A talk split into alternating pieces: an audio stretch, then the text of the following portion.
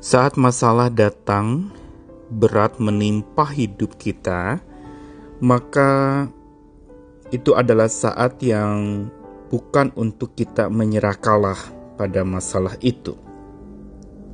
Karena bila kita menyerah kalah pada masalah, berarti kita memberi diri diperintah oleh masalah itu.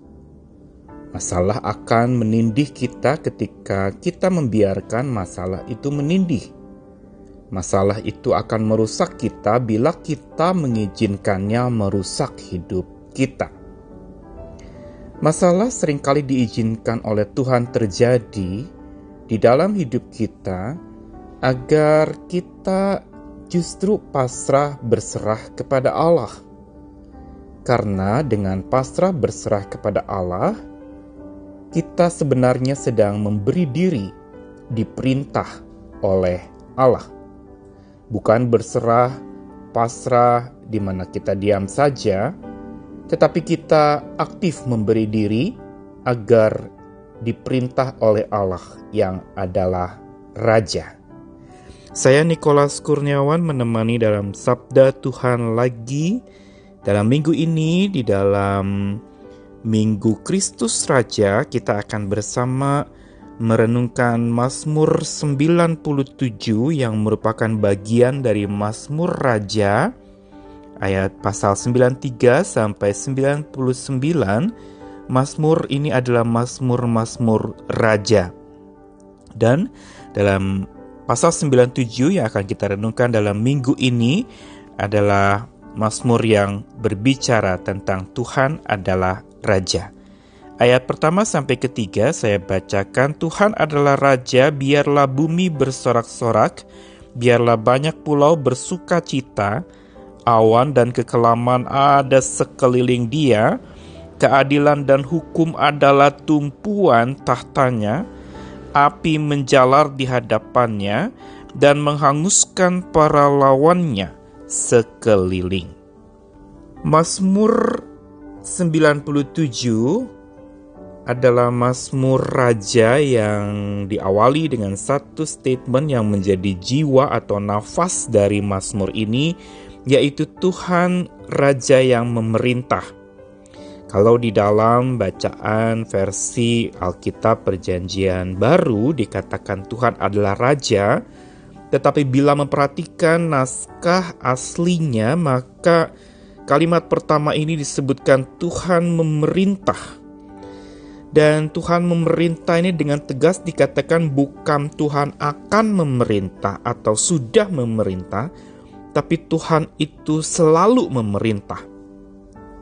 Ini adalah satu penegasan tentang kemahakuasaan Tuhan dan Mazmur Raja ini sebenarnya Mazmur yang ingin mengingatkan kepada kita secara sederhana bahwa hidup kita jangan mau diperintah oleh apa pun juga selain oleh Allah, pencipta kita, penebus dan penolong kita yang abadi. Sehingga bila kita menghadapi berbagai macam kekelaman hidup dan awan gelap yang menyelubungi hidup kita, Ingatlah dia sang raja penguasa jagat raya dan alam semesta. Sebagaimana di dalam ayat 2 dikatakan, awan dan kekelaman ada sekeliling dia.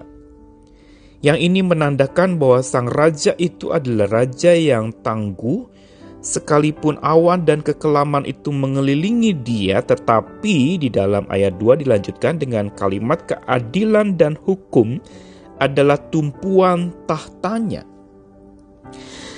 Keadilan dan hukum adalah tumpuan tahtanya kembali seperti Mazmur 94 yang berbicara Allah sebagai hakim dan ini adalah Allah yang memerintah sebagai raja dengan keadilan dan hukumnya. Dan inilah tumpuan tahtanya. Tahtanya bukan berlandaskan sekedar untuk menyenangkan orang yang diperintahnya, bukan pula bicara tentang sesuatu yang lemah, tetapi justru sesuatu yang kokoh, keadilan dan hukum. atau kalau mau diterjemahkan versi lainnya dikatakan kebenaran dan keadilan.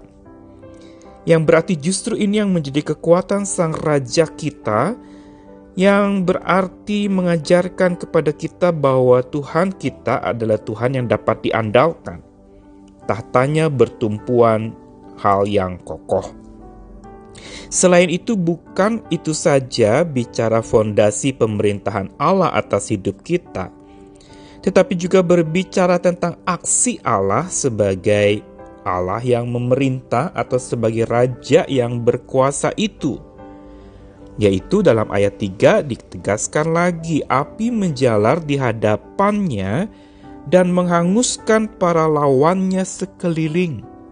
Yang berarti mau menegaskan bahwa sesungguhnya sang raja ini dikatakan api menjalar di hadapannya berarti adalah bahwa sebenarnya uh, dia dikelilingi oleh sesuatu yang sifatnya begitu mengerikan, menghanguskan tetapi dengan tegas dikatakan yang dihanguskan itu justru adalah lawan-lawan para pengikutnya. Yang ini justru melegakan pemazmur dan juga kita sebagai orang percaya. Menyerahkanlah pada masalah, membuat diri, memberi diri dijajah dan diperintah masalah. Tetapi sebaliknya berserah pasrah pada Allah yang sejati, maka berarti kita memberi diri diperintah dan diperindah oleh Allah. Diperintah yang berarti bahwa dialah yang akan menjadi pemandu kita. Perintahnya lah yang kita perlu ikuti, bukan perintah manusia atau siapa pun juga yang ada di dunia ini. Pemerintah-pemerintah di dunia memang wakil Allah, tetapi perintah Allah lah yang utama yang perlu kita dengarkan dengan tegas. Dan bukan itu saja, Tuhan kita bukan Tuhan yang memerintah saja, tetapi Dia memerintah dengan tujuan memperindah hidup kita, agar kita menjadi pribadi-pribadi yang indah, yang kokoh, yang tidak pernah berhenti menyerah kalah pada keadaan tetapi menguasai keadaan begitu rupa bahkan tetap bisa dapat berkiprah walaupun hidup sedang susah oleh berbagai macam masalah.